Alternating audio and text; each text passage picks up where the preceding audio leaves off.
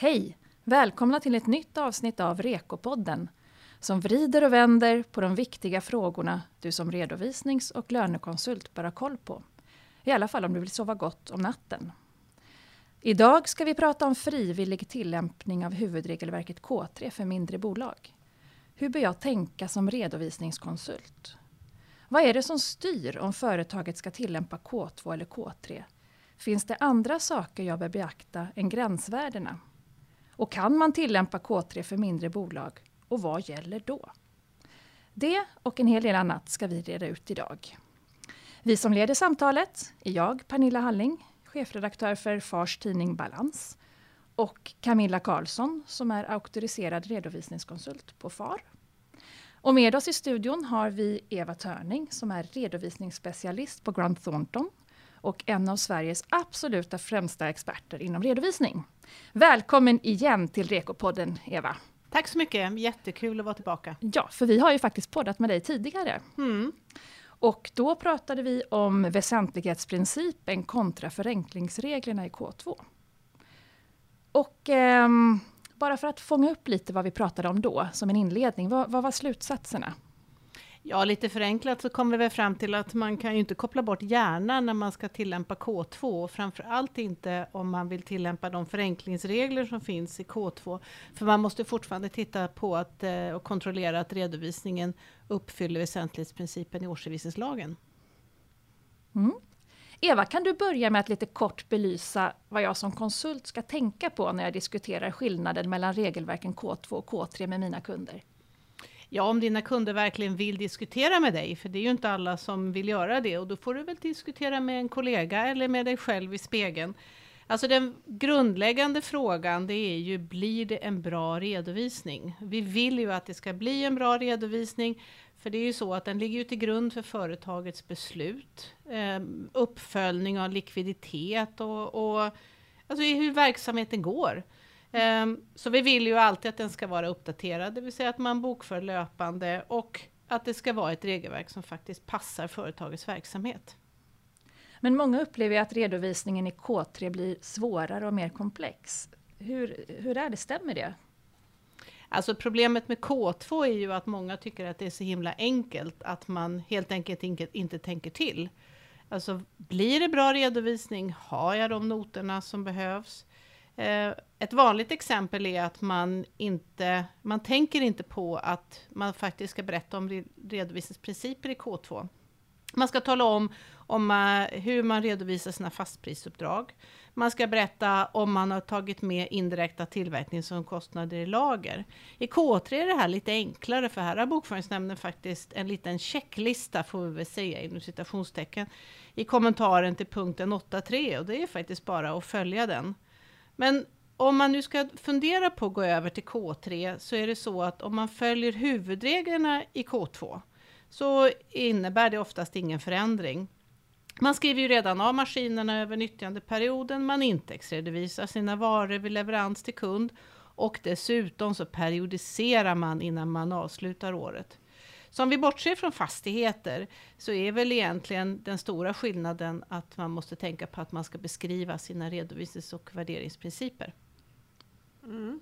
Men med fastigheter då, blir det inte mycket krångel där med komponentavskrivningar? Upplever inte många det som komplext? Alltså fastigheter innebär ju alltid en arbetsinsats, det är bara frågan om när den inträffar.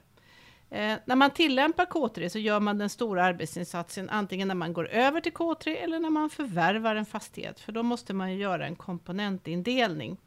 Och den ska ju även finnas i anläggningsregistret, så det blir lite mer administration. Det behöver man inte göra om man tillämpar K2, för där skriver man ju av byggnaden som en, hel, som en enhet. Den så kallade enhetsavskrivningen, som är faktiskt inte står benämnd i K2, men vi kallar den för det. Jaha, så kommer vi till avskrivningarna i K3, då gör vi det per komponent. Medan vi i K2 då med den här enhetsavskrivningen skriver av över den längsta komponent, komponenten, vilket då är stommen. Här vill jag passa på att poängtera att det inte finns någonstans skrivet att alla byggnader ska skrivas av över 120 år. Så där Camilla har vi dödat den myten.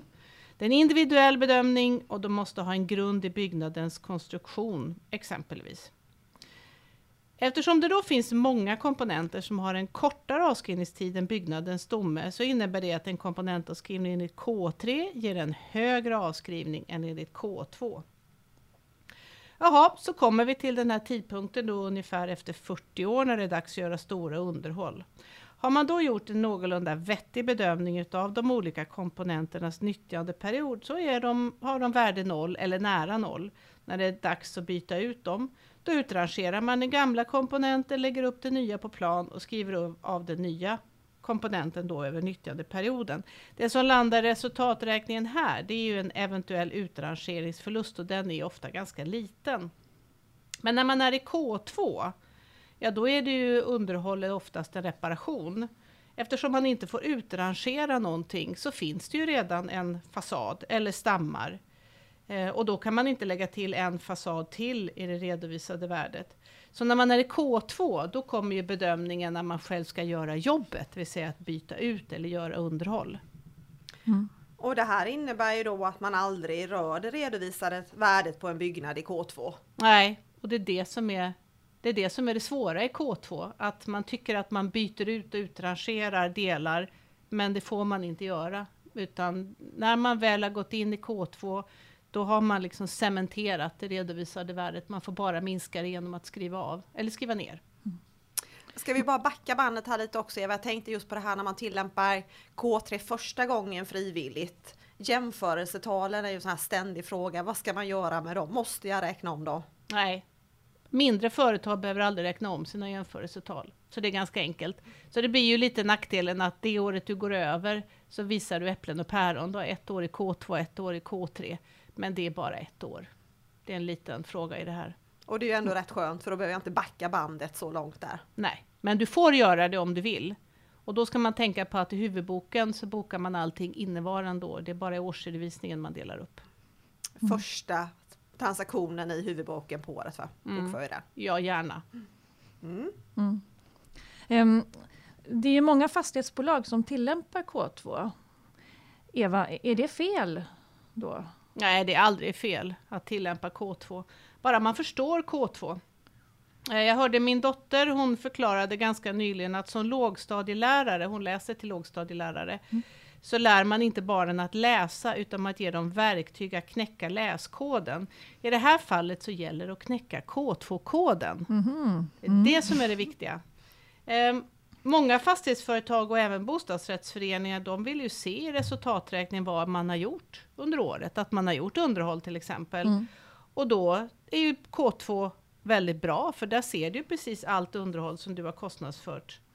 Eh, och sen också om man har fastighetsföretag som eh, varje år tillämpar reglerna för utvidgat reparationsavdrag. Ja, då kostas för man varje år, man gör lite varje år.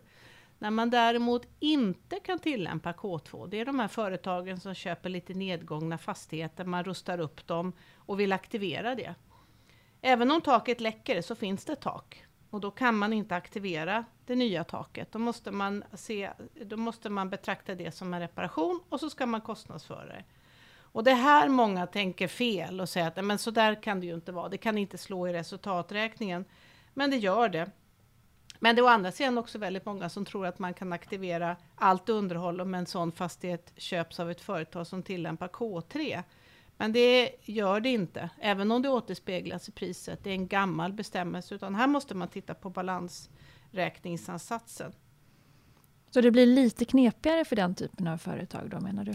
Ja, det blir det, men det handlar om att man måste bestämma sig för vilken modell man tycker. Vill man se det i resultaträkningen? Vill man ta de stora slagen i resultatet som det kan bli när man tillämpar K2? Jag menar, då köper man det.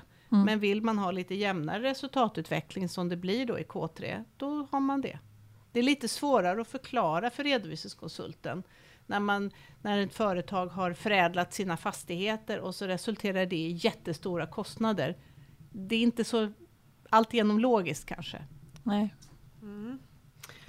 Vi pratade en hel del om fastigheter här, men jag tänker just också, vi har ju andra anläggningstillgångar och komponentavskrivningar. Vi måste ju även beakta det när vi köper till exempel större maskiner där det är någon väsentlig del där också, ska ju också hanteras likvärdigt. Ja, det ska det. Och här har vi ju framförallt energibolagen som har komponentindelat sina maskiner.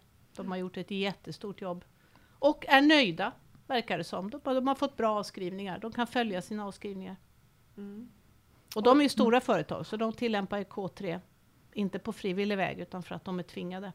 Ja, jag hade en hel del plastbolag när jag jobbade aktivt som konsult och då var det stora skruvar som kostade väldigt mycket så de tog vi också ut som komponenter i eh, fastighetsinvesteringarna. Truckar, som har stora dyra batterier. Som inte håller lika länge som trucken. Mm. Mm. Det finns många exempel. Ja, det gör det. Mm. Ja, då har vi rätt ut lite om fastigheter. Och där gäller, som på flera andra ställen i K2, att det redovisade värdet är lägre än när man varit i K3. Eller hur Eva? Ja, alltså K2 är ju lite mer försiktigt. Ja. Ja. Men, men den där balansräkningsansatsen som du pratade om, eh, det, det låter krångligt. Hur fungerar den? Ah, det är nyckeln till eh, det mesta i, i K3. Eh, om man säger så här, nyckeln i K2, om man nu ska börja med att knäcka K2-koden, det är ju att jag ska redovisa alla tillgångar som jag äger. Och för nörden så kan jag säga att det är punkt 9.2 och det är en av de absolut viktigaste punkterna i K2. I K3 så är det balansräkningsansatsen. Den går liksom i flera steg. Först så ska jag titta på, har jag en tillgång? Och sen när jag kommit fram till att jag har en tillgång, då går jag till, nu kommer vi till den, en av de viktigaste punkterna i K3, punkt 2.18. Där har vi balansräkningsansatsen och där ska man titta på, okej, okay, den här tillgången som jag har, är det sannolikt att jag får ett kassaflöde? Och kan jag beräkna anskaffningsvärdet? Då landar den i balansräkningen. Om jag svarar nej där, ja då trillar den ner och hamnar i resultaträkningen. Det är det som är balansräkningsansatsen. Mhm, mm. Mm. Lite det här också när vi var inne på fastigheter och eh, komponentavskrivningar. Det innebär ju faktiskt att vi får lite temporära skillnader. Vi får ju lite uppskjutna skatter. Eh, kan det ställa, ställa till det för företagen? Alltså i K2 får man ju inte redovisa uppskjuten skatt. Och det är ju en lättnadsregel och då måste man titta på väsentlighetsprincipen igen. Är det så att K2 gör att jag har en skuld som jag faktiskt inte redovisar och den är tillräckligt stor, då kan jag faktiskt inte tillämpa K2, då måste jag över i K3. Eh, och där har vi framförallt har vi ju, eh, det är ju, nu är vi tillbaka på fastigheterna. Där det är avskrivningar, nu får vi det nya primäravdraget.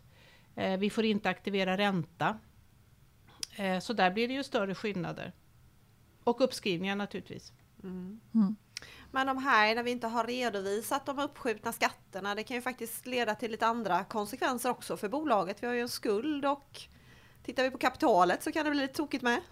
Ja, man kan ju missa tidpunkten för eh, kontrollbalansräkning. Mm. Här har ju konsulterna och alla som är verksamma en viktig uppgift att hålla koll på.